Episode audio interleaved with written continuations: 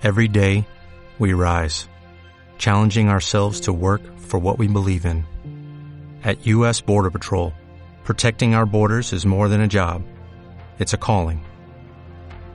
Agents answer the call, working together to keep our country and communities safe. If you're ready for a new mission, join U.S. Border Patrol and go beyond. Learn more at cbp.gov/careers.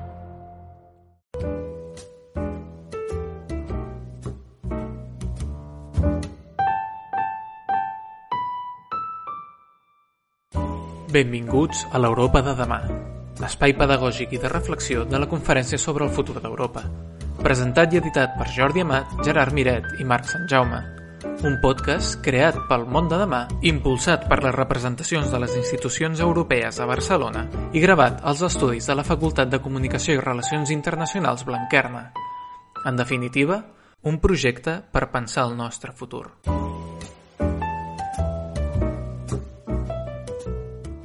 This is all wrong. I shouldn't be up here. I should be back in school on the other side of the ocean. Yet you all come to us young people for hope. How dare you? Benvinguts, com esteu? Uh, segurament uh, aquesta veu que, que heu escoltat us sonava, uh, si no el How Dare You, aquest, uh, com us atreviu, segur que us ha ressonat i, i us sona de, uh, d'un personatge que en els darrers anys ha estat uh, molt important, no volem crear cap enigma sobre qui és, i Gerard, uh, quan vulguis, uh, situa'ns uh, què va representar, quan ho va dir, qui és aquesta, aquesta Sí. noia. Eh, la, la veu que hem escoltat, no sorprendrem a ningú, és la de, la de Greta Thunberg. I el discurs que, que ara, que ara hem, hem sentit és la que va, el que va fer a la cimera climàtica del 2019, que bàsicament la va projectar, si no estava prou projectada a nivell mundial a, a cotes allò una mica impensables per algú que en aquell moment, de fet, tenia eh, 16 anys, si no m'equivoco. És a dir, era tremendament jove pel que estava aconseguint. Sí, jo, jo sempre, el... ara amb la... di- diria que amb la Covid ha baixat les, la intensitat de la seva presència, que durant uns mesos va ser intensíssima, i de fet ella va, va encarnar el, la demanda d'un canvi polític per lluitar contra el canvi climàtic i afavorir la, la transició energètica. I jo crec que, eh, no sé si estaràs d'acord, eh, però eh, el fet que ella fos gairebé una nena, eh, fos tan jove, i el, el rostre E- ella té un, una, una... Té, ella eh, té la síndrome d'Asperger i, i sí que a vegades eh, s'ha comentat no, que en els seus discursos, més enllà de la contundència de les paraules, com escoltàvem, no, el, com us atreviu, com us atreviu, el seu posat sovint també té un punt eh, que es pot confondre justament per, per la síndrome d'Asperger, una certa rudesa, un cert malestar o fins i tot un cert desafiament en la seva mirada. Sí, hi ha, com, eh, hi ha ràbia, desconcert, sembla que es vagi a trencar. I jo crec que, que això és la, eh, explica en part l'efectivitat i la, la potència icònica d'ella, però eh, jo no ho sabia fins que ens hem posat a, a treballar aquest, aquest eh, podcast sobre la qüestió de la transició energètica i el Green Deal, que és com comença aquesta història. Sí, de fet és eh, relativament curiós perquè ella eh, el, el 20 d'agost del 2018 havia d'anar a escola, com qualsevol nen. Eh, dic 20 d'agost i potser aquí ens sorprèn, però bàsicament és perquè allà a Suècia van una mica abans amb el trimestre perquè a l'hivern hi fa molt fred. Doncs el 20 d'agost ella havia d'anar a escola i es planta i diu que, que no hi anirà. I el motiu, bàsicament, pel, pel qual ho fa és que en aquell moment hi havia una onada de, de calor a Suècia, òbviament és un lloc que, que bàsicament fa fred, i hi havia un, fotimer d'incendis forestals. Aleshores, ell el que decideix, aquell 20 d'agost, és que fins al 9 de setembre, que és el moment en què hi ha eleccions a, a Suècia, anirà al Parlament suec, s'asseurà i el que farà és agafar un cartell de 1 per 1, bàsicament, que sí, tan gran com ella, en aquell moment, recordem, tenia 15 anys, 15 anys, i, i pinta amb unes lletres negres un missatge que diu vaga escolar pel clima. I a partir d'aquí es comença a gestar un moviment públic, perquè ella comença sola i mica en mica se li van afegint gent jove, de la seva edat, I d'altres països. i d'altres països. I, I al final el que ella aconsegueix és que això no s'aturi el 9 de setembre quan hi ha eleccions, sinó que es prorrogui seguidament cada divendres. Sí, de fet, el, el, el, el, el que és significatiu, em sembla, és que no es planta davant de l'escola, no es planta davant d'una fàbrica, no es planta davant d'una indústria, sinó que es planta davant d'un Parlament eh, perquè la queixa d'aquests joves que veuen que viuran en un món on no s'hi podrà viure si no fan canvis és una demanda angoixada a la política. És a dir, és, ella té, eh, té molt clar eh, que és la política qui té la capacitat de liderar els canvis i una cosa que jo crec que tampoc eh, era esperable és que la política va escoltar. O en tot cas la política li va obrir les portes. Sí, perquè al final, més enllà de les fílies i fòbies que, que pot eh, generar la, la Greta Thunberg, perquè també s'ha parlat una mica hi ha darrere de, de tot aquest moviment, més enllà de les fílies i fòbies, el discurs que hem escoltat ara a l'inici, sense cap mena de dubte, recull el clam d'una generació que demana a la generació que ara mateix està al govern per què no feu més? Quin món ens esteu deixant? I la pregunta que subjau i que realment és angoixant i que representa aquesta angoixa que, gens, que segurament sent la, la generació més jove és hi som a temps? Uh, a mi em sembla que en, en, en els darrers anys uh, jo crec que això ha canviat. És a dir, la, la, ningú posa en dubte avui uh, que el problema climàtic és el problema central de la humanitat. Uh, S'han fixat uh, uns objectius, hi ha uns compromisos uh, a través de l'acord de París, hi ha països que hi entren i no hi entren, hi ha països que hi surten i que després hi tornen a entrar. Em que en aquest sentit el, el pas que fa l'administració uh, Biden és enormement important i no sé fins a quin punt, amb aquesta consciència majoritàriament assumida, és també uh, la que, que aquest canvi que necessitem per llegar a un món millor, els joves que ara aixequen el dit i, dient, i que ens diuen no heu fet res, eh, implica un cost econòmic enorme eh, i, per tant, eh, s'han de pensar polítiques des de les institucions que poden fer-ho perquè aquest canvi eh, sigui possible. I és que aquí està el kit de la qüestió, perquè segurament el què ja el sabem, el que hem d'averiguar és el com. My name is Greta Thunberg. I'm 16 years old.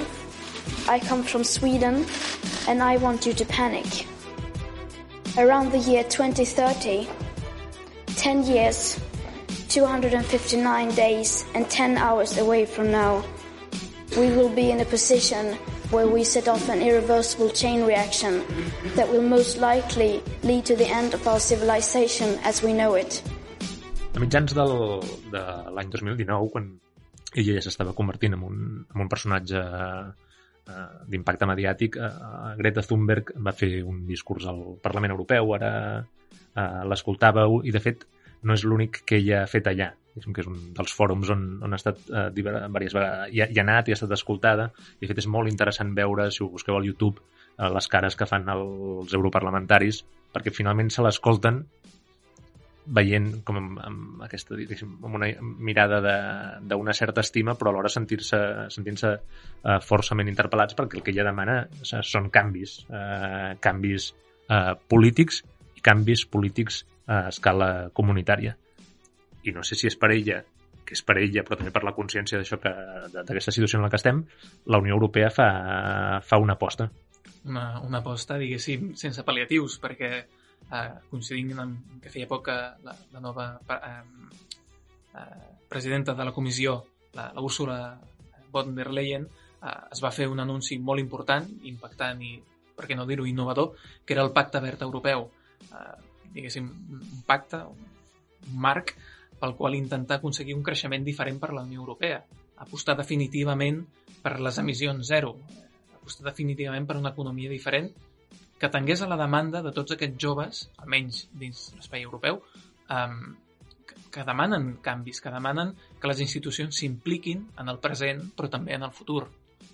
Sí, jo, jo crec que um, uh, hi ha una cosa uh, que ha sortit i anirà sortint en aquests podcasts que, que anem fent, que no és tant la, la, la cantarella de que no, els ciutadans no tenim una identitat europea, sinó que per, no percebem que la Unió ens ofereixi eh, un projecte engrescador al qual vincular-nos. De fet, la, la conferència de la que, que motiva aquests podcasts té, té, té aquest objectiu, però jo crec que el gran projecte eh, de la Unió és el convertir el continent en un continent verd, eh, sent conscients que això és molt fàcil de dir i és caríssim de fer. L'altre dia... De fet, parlant d'això que és caríssim, és que el, el Pacte Verd Europeu preveu un, eh, mobilitzar un bilió d'euros en inversió pública i privada la pròxima dècada. Sí, sí, i, i aquestes són les dades eh, pre-Covid, perquè eh, quan es posen en marxa els fons Next Generation es decideix que una part d'aquests fons siguin, siguin per, per aconseguir eh, aquest propòsit. I un, un exemple que, que et comentava i que l'altre dia m'explicava un, un industrial català que es dedica a l'acer, a, a, a la producció d'acero, eh? ell, ell em, em, ens explicava uh, un grup d'amics que el, les indústries que produeixen acer al món són les que emeten el 7%, el 7% uh, de les emissions de CO2 a l'atmosfera. Eh? Per tant, són unes empreses altament contaminants.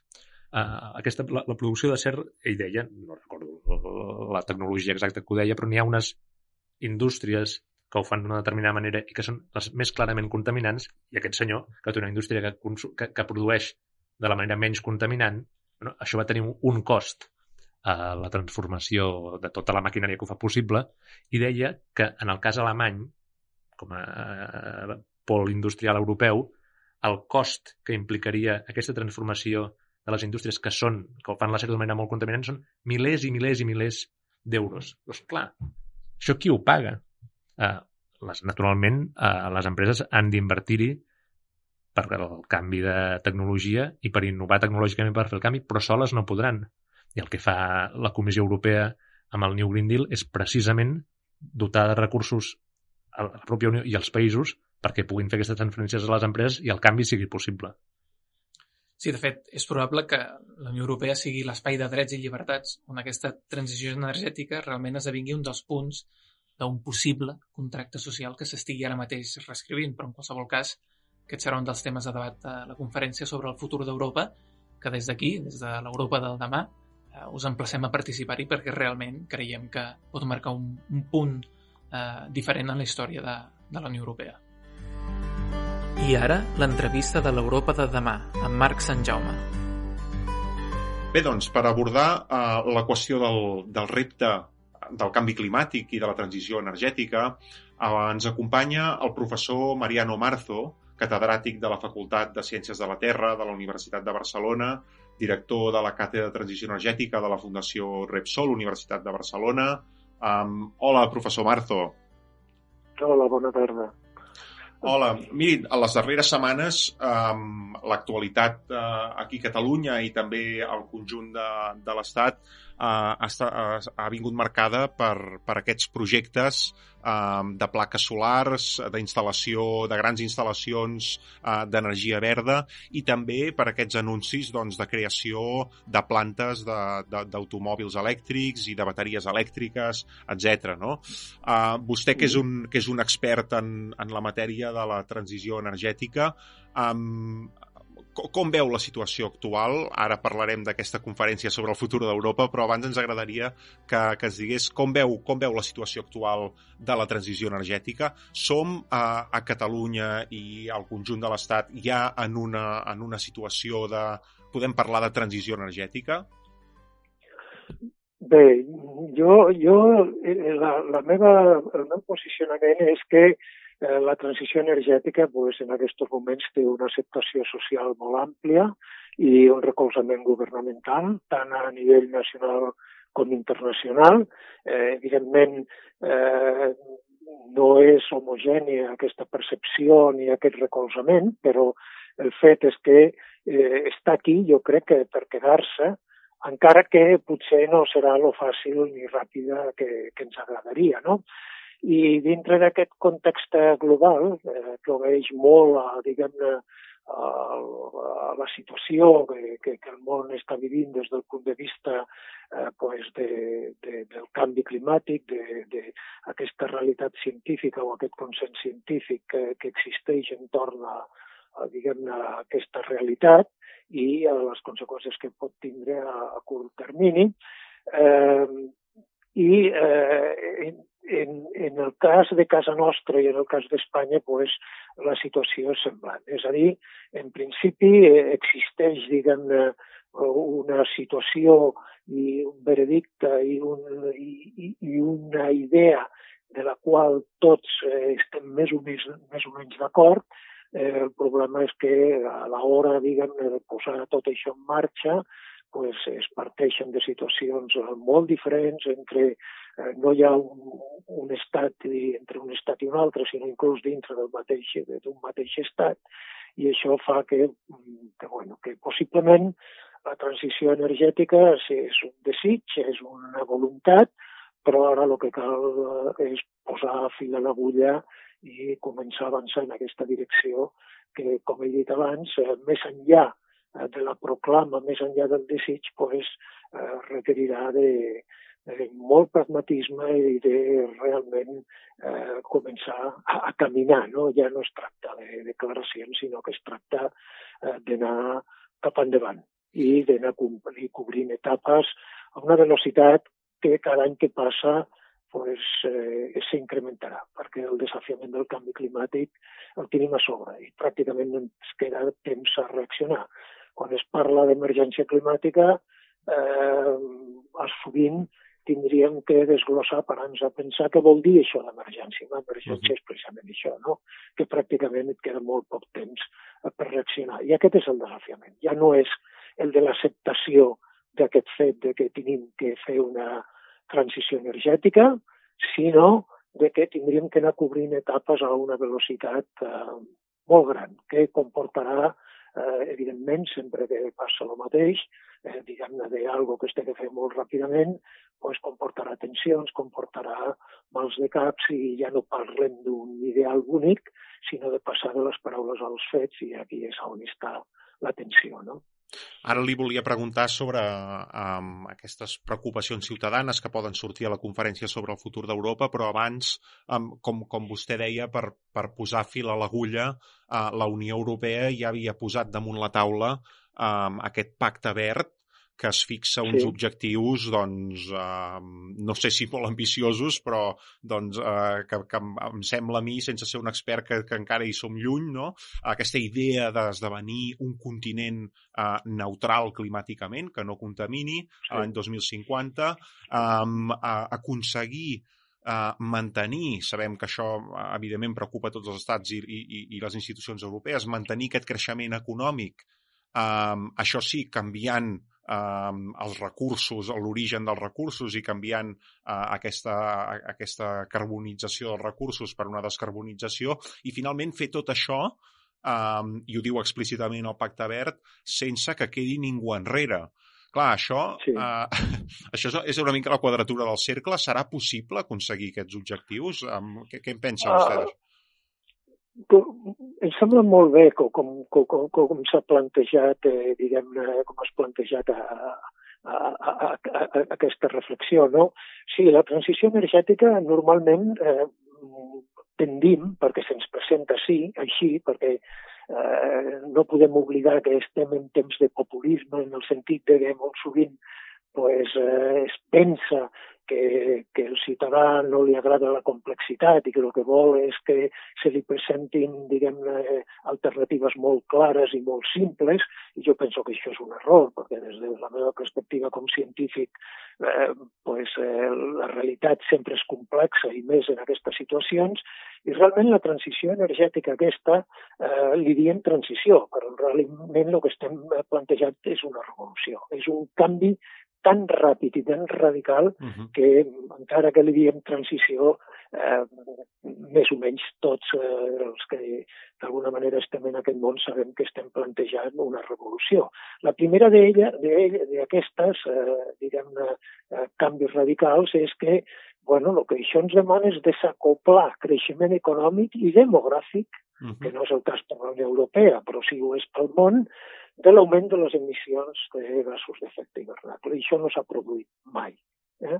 El món és el que és, la, la, la, la nostra civilització es basa en que hem tingut una energia abundant i relativament barata, eh, però ens hem trobat amb l'externalitat de que ha produït aquest fenomen del canvi climàtic.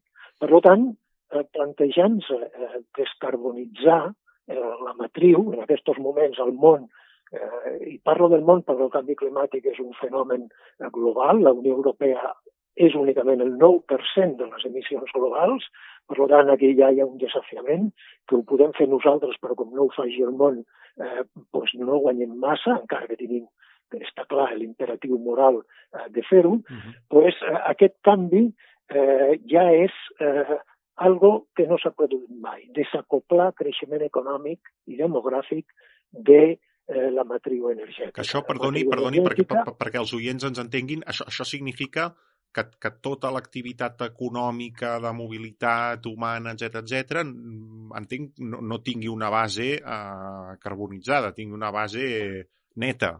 Eh, això vol dir, eh, això que vostè acaba de dir, però també una altra cosa, com això serà impossible, perquè en aquests moments depenem del món en més d'un 80% dels combustibles fòssils, eh, el que es tracta, quan es parla de descarbonització o aquest, això que, que, que s'ha referit vostè d'equilibri climàtic, en realitat el que es busca és que les emissions netes a l'atmosfera siguin zero. Uh -huh. Per què es diu neta?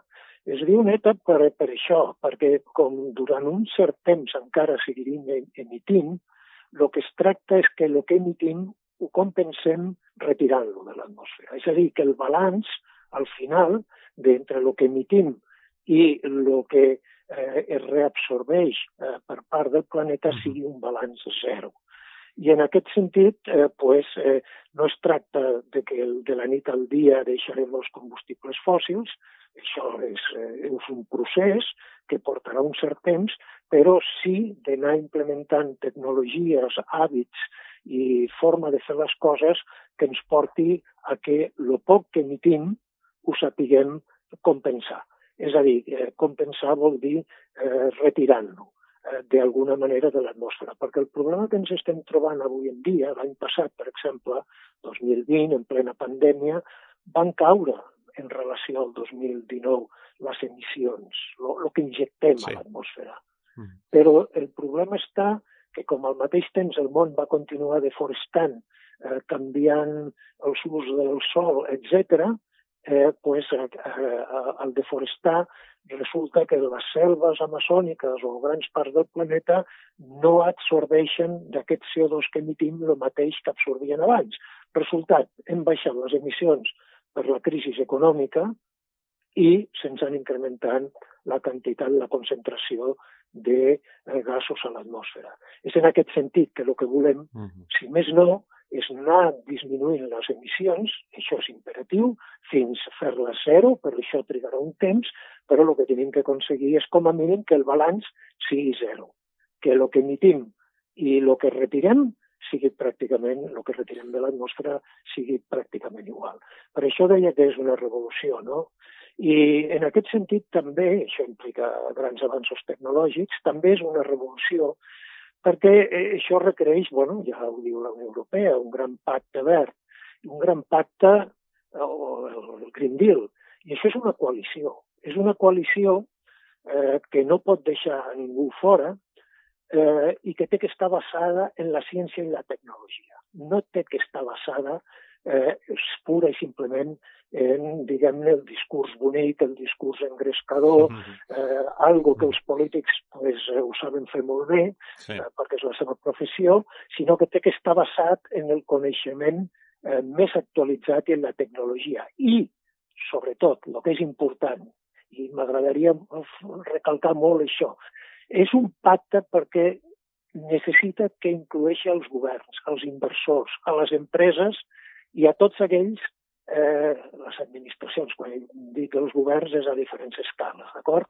I a tots els que se senten compromesos en la lluita contra el canvi climàtic. I aquí és eh, on ens tenim, eh, diguem-ne, eh, que posar molt ferms. Tenen que ser els governs els que busquin eh, les polítiques eh, que facin aquests governs, aquestes administracions a nivell local, eh, a nivell, eh, diguem-ne, d'una nació, a nivell d'un estat, tenen que posar d'acord a les empreses, als ciutadans i al món de les finances i els inversors. I en aquest sentit, eh, és òbviament eh, que això es fa difícil des de la perspectiva que molt sovint doncs, les ideologies o diguem els prejudicis que Sí. eh, tots tenim i les ganes que tenim d'excluir alguns d'aquest pacte doncs, fer, pot posar en perill, diguem-ne, eh, diguem aquest gran pacte verd. No? Vostè parlava... I, sí, sí, digui, digui, sí. digui, digui, sí, sí. I a més d'això, de desacoplar creixement de l'augment d'emissions, que és un repte nou, eh, com fer-ho?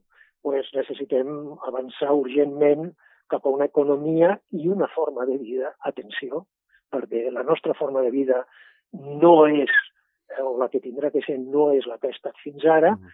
i és una forma de vida i una economia que té que ser de baixa intensitat energètica, és a dir, molt eficient, eh, vol dir que eh, faci el mateix o més en menys eh, despesa energètica i, a més, de ser molt eficient que està descarbonitzada.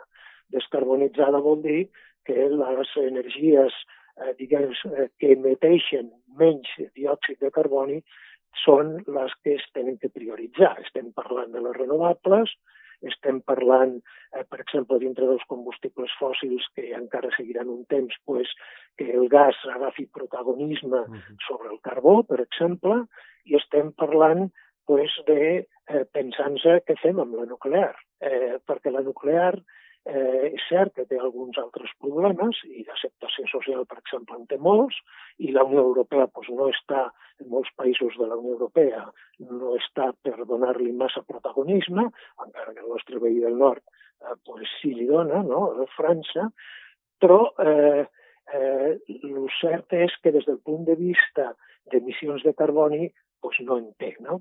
Llavors, eh, és, ja, ja he posat dos, dos, dos condicions o tres que, que ja ens donen una idea de la complexitat del tema. No? Desacoplar creixement econòmic i demogràfic de l'augment d'emissions, eh, eh, fer un gran pacte entre tots els sectors socials i eh, avançar urgentment cap a una economia i una forma de vida de, molt eficient, de baixa intensitat energètica i molt descarbonitzada. No?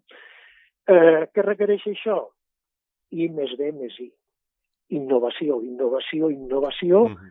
que eh, a la seva vegada és una gran oportunitat de negocis i de modernitzar les nostres economies, no? I, eh, per una altra banda, pues, requereix eh, el que he comentat abans, bon govern.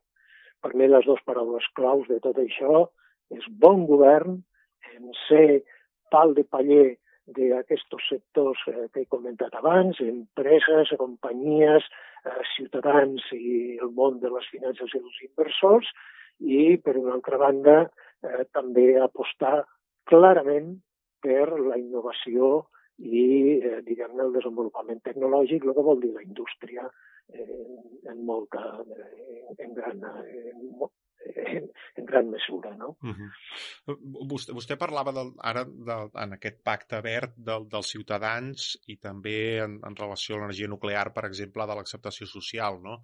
El proper sí. 19 d'abril es presentarà la, la plataforma digital que ha de servir, ha de ser una eina perquè aquesta conferència sobre el futur d'Europa doncs, sigui un èxit i els ciutadans puguin, ciutadans d'arreu d'Europa puguin expressar les seves preocupacions.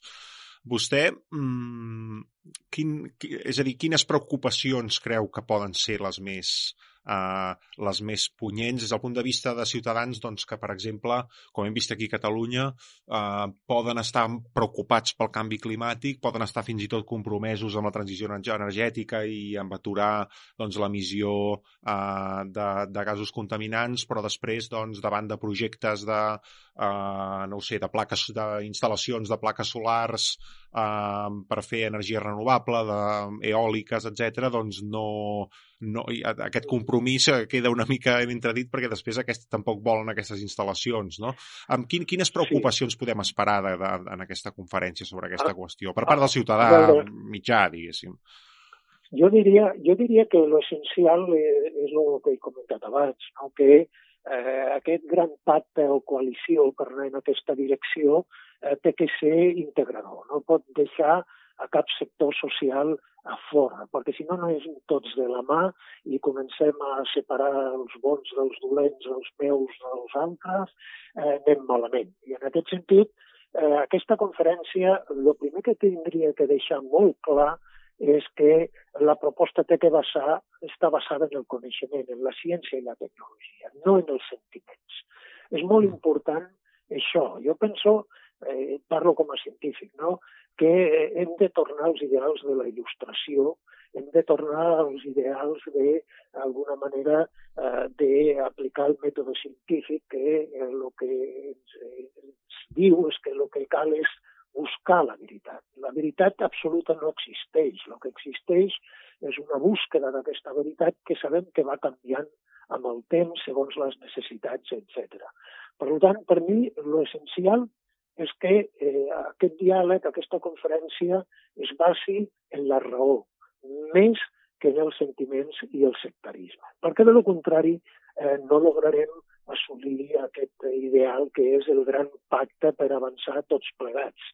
Eh, pot haver sectors de la societat que, eh, que tinguin, eh, diguem-ne, un especial interès eh, en un aspecte que pot ser l'ecologia, però tenim que ser conscients que eh, si no tenim un finançament apropiat, doncs no avançarem en aquesta direcció. I que a més necessitarem pues, la I més B més I que puguin fer les empreses.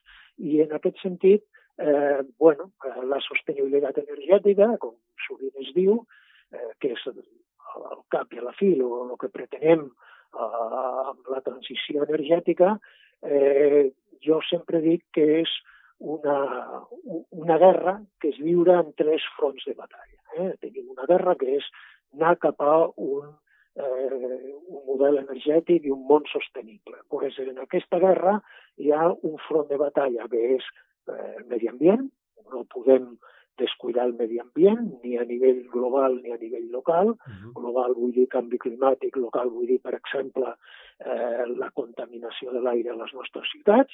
Per tant, aquí tenim un front de batalla claríssim, però també tenim un altre, que és el de l'economia. No podem pretendre que el nostre model energètic que sigui mediambientalment, eh, perfecte, però que no el puguem pagar. Uh -huh. És a dir, que eh, tinguem pobresa energètica al nostre país o que les nostres empreses no siguin competitives, perquè això al llarg eh, també significa atur i significa eh, doncs més pobresa energètica, diguem-ne, pels habitants. Ja tenim dos fronts de batalla a conciliar. Té que ser el nostre model energètic net, poc contaminant, però té que ser econòmicament viable. I encara hi ha un altre, que és el tercer eh, front de batalla que, que, que esmentava anteriorment, que és que té que ser fiable i té que ser segur. És a dir, imagini's eh, vostè que en el nostre país, eh, que depèn tant del turisme, eh, pues, eh, de cop i volta a l'estiu ens quedem sense electricitat mm. perquè eh, no s'ha fet la inversió necessària en xarxes o no tenim les connexions necessàries, o que ens ve un altre temporal com el Filomena i se'ns va tot en l'aire perquè no s'ha fet el manteniment de les infraestructures energètiques. Llavors, eh, des del meu punt de vista, eh, la virtut en aquesta sostenibilitat energètica no és tant posicionar-se en un d'aquests vèrtexs deixant eh, que els altres dos fronts eh, s'ensorren, sinó en fer un equilibri entre els tres. Uh -huh. Uh -huh. I aquesta conferència el que tindria d'alguna manera és que ser un punt de trobada d'aquests equilibris, no? perquè de lo contrari eh, es convertirà pues, en una mica en el que estem veient en els parlaments, tant de Catalunya com d'altres llocs. És unes batalles dialèctiques sense que en cap moment s'arribin al consens i al gran pacte que, que necessitem. No? I la, la conferència acabarà mmm, segons el, el, el projecte eh, de les institucions europees, en un informe final en el qual hi haurà un seguit de, doncs, de recomanacions sorgides d'aquest procés de participació i eh, segur que algunes recomanacions seran en el sentit d'aquesta doncs, qüestió, del repte climàtic i de la transició sí. energètica. Uh, més enllà de, de, del que pugui arribar a dir l'informe i de l'impacte que pugui arribar a tenir en les institucions, um, per resumir una mica cap on, cap on podem anar, no? Uh, vostè quins, quins, quins escenaris dibuixa d'èxit o de fracàs en, en relació a aquest, a aquest pacte pacte verd i, i aquests objectius eh, tan ambiciosos i gairebé revolucionaris que, que estem comentant. Sí, eh, tinguent en compte, diguem-ne jo, a nivell de, de la Unió Europea, eh, pues, eh, veig que més o menys estem d'acord, eh, sense oblidar que, que, bueno, que cada país és sobirà en matèria energètica això ho tenim que tindre molt clar. Eh, L'energia, per definició, és la capacitat de fer un treball, de canviar les coses. No? Des d'un punt de vista, diguem-ne, filosòfic, energia, o Aristòteles, el que deia és això, la capacitat d'operar un canvi. Eh, evidentment, costa molt tindre una política conjunta, perquè eh, si tinguéssim una política conjunta, d'alguna manera cada un dels estats membres de la Unió Europea estaria renunciant a la seva plena sobirania perquè no disposaria, diguem-ne, de la llibertat per operar aquest canvi. No? Eh, per tant, són paraules majors. No?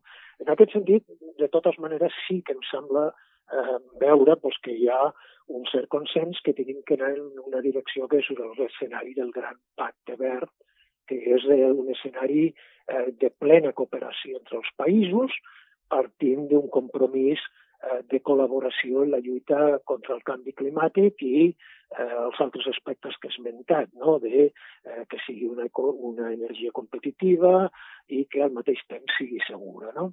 Per tant, aquest seria un escenari, que és fer realitat el gran pacte verd, tant de bo, perquè significaria cooperació, significaria d'alguna manera tots treballar conjuntament en la búsqueda d'aquest ideal, que a més tindria beneficis en la lluita contra el canvi climàtic. Eh, després, eh, ja més eh, a nivell global, eh, veig altres escenaris possibles.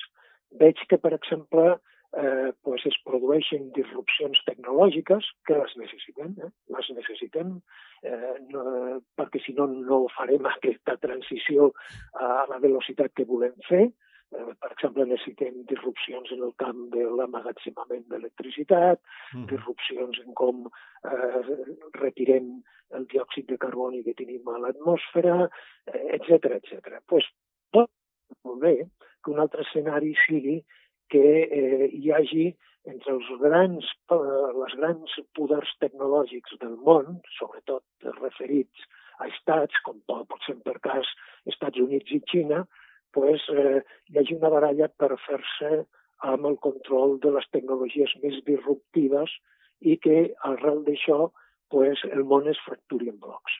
Eh, mm. posaré, per exemple, un cas. Eh, el cas de la mineria necessària per eh, tirar endavant diguem-ne, aquesta transició energètica. La transició energètica no dependrà en el futur, el nou model energètic de petroli, gas i carbó, però dependrà d'unes altres matèries primeres, que són una sèrie d'elements químics que necessitem doncs, per fer funcionar els aerogeneradors, les plaques solars, les bateries, etc. Xina està posicionada geopolíticament en aquests moments per tindre el control de, eh, diguem-ne, les matèries primes que alimentaran eh, diguem-ne, aquestes tecnologies. I el reste del món està reaccionant ara. Per tant, existeix un cert perill de que la disrupció tecnològica eh, comporti una divisió eh, en blocs. Eh? Mm. Una, un altre tercer, eh, que també pot passar i que inclús hi ha un cert risc que es doni al si de la Unió Europea, és el del nacionalisme brut, eh, en el sentit que eh, eh, que si els populismes eh, d'alguna manera que tenim dins de la Unió Europea i que també es donen en molts altres llocs del món, eh, fa que lo del meu país és lo primer i lo de més no m'importa i aconseguir el poder és lo primer i lo de més no m'importa, pues que d'alguna manera eh, arribem a una situació que clarament s'afavoreixen les fonts domèstiques d'energia sobre les importades, eh, que hi hagi proteccionisme, que limita les economies d'escala, els mercats energètics es fragmentin, això, per això li dic nacionalisme brut, perquè al cap i a la fi això el que comportaria és que eh, un excés de nacionalisme ens impediria el gran pacte, no? el gran pacte verd, i en aquest sentit aquest escenari eh, seria totalment contrari pues, a la gran aspiració que és el gran pacte verd. I finalment és eh, eh, que això acabi portant tot, eh, ja el cúmul d'aquesta fragmentació és que eh, la continuïtat amb les tendències presents pues, donguessin lloc a una sèrie eh, de clubs energètics amb poca cooperació entre ells, eh, les energies renovables creixerien, però sense aconseguir erradicar el domini dels combustibles fòssils. En mm. aquest sentit, eh, pues, eh, el que tindríem és pràcticament una continuació eh, de lo que tenim en, l'actualitat. No? Eh, com he dit d'aquests quatre escenaris, eh, aquest final seria el de des desorientació total. Eh, la Unió Europea té que intentar, com sigui, pues, situar-se en el del gran pacte verd, eh? la cooperació, la, el, el juntar forces per anar amb un objectiu comú, perquè no podem oblidar el que he dit abans. Les nostres emissions en el total global són el 9% solament que hi hagi alguna potència mundial o un grup de països a nivell global que vulguin fer un dumping ambiental, uh -huh. és a dir, que amb ell no se'ls penalitzi per seguir contaminant o ens fagin un dumping econòmic en el sentit de que per ells seguiran utilitzant les energies més barates independentment de la seva contaminació, pues poden crear fragmentació, eh, desorientació, nacionalismes en el si de la Unió Europea. Per això és tan important, des de la meva perspectiva, explicar molt bé en aquesta conferència al ciutadà quines són els reptes que tenim, els beneficis que podem assolir, però sense amagar en cap moment els reptes i la magnitud dels, dels reptes que afrontem. Moltíssimes gràcies, a professor Marzo. És, és veritablement un plaer i estaríem conversant hores sobre aquesta qüestió. Esperem que la conferència sobre el futur d'Europa vagi, vagi en aquesta línia i ajudi a que s'acabi produint i sigui un èxit aquest, aquest pacte verd. Moltíssimes gràcies uh, per ser amb nosaltres. Moltes gràcies a vostè i jo desitjo que realment tots plegats ens movem en aquesta direcció del gran pacte verd. Molt bé, moltes gràcies. Adéu-siau. Això ha sigut l'Europa de demà. Us esperem, com sempre, la setmana que ve per reflexionar sobre el nostre futur.